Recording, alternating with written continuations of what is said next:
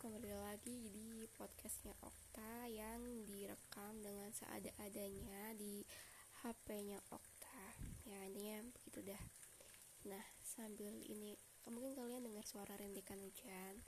Nah sambil sambil jadi kan. Nah waktu hujan ini aku mau sekalian cerita cerita mengenai apa sih ya nggak jauh-jauh dari masalah hidup.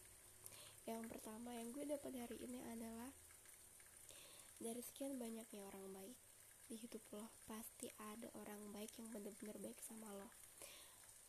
Mungkin lo ngiranya orang itu ya biasa aja atau mungkin lo pernah sebelah sama orang itu atau mungkin lo bahkan lo pernah benci atau mungkin ya udah kayak lo nggak dia biasa aja nggak lebih dari seorang manusia biasa.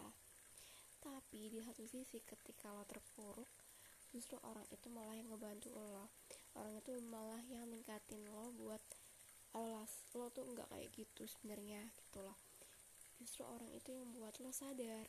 Ternyata lo juga punya kekuatan di balik kelemahan-kelemahan lo. Orang itu buat lo kayak sadar gitu loh pun perkataannya nyakitin atau perkataannya.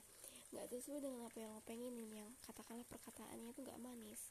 Tapi orang itu dapat membangun lo dalam artian membangun lo atau ngajak lo ke arah yang lebih baik arah yang di atas lo dari hari ini atau di hari hari kemarin? Kayak kayak gue cerita ya.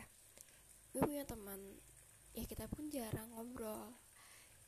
Kita jarang kontakkan tapi di saat gue butuh dia dia selalu ada buat gue. Kayak gue berterima kasih juga kayak sama dia sama Tuhan juga. Ternyata gue masih punya teman-teman yang baik sama gue mau yang bener-bener nolongin gue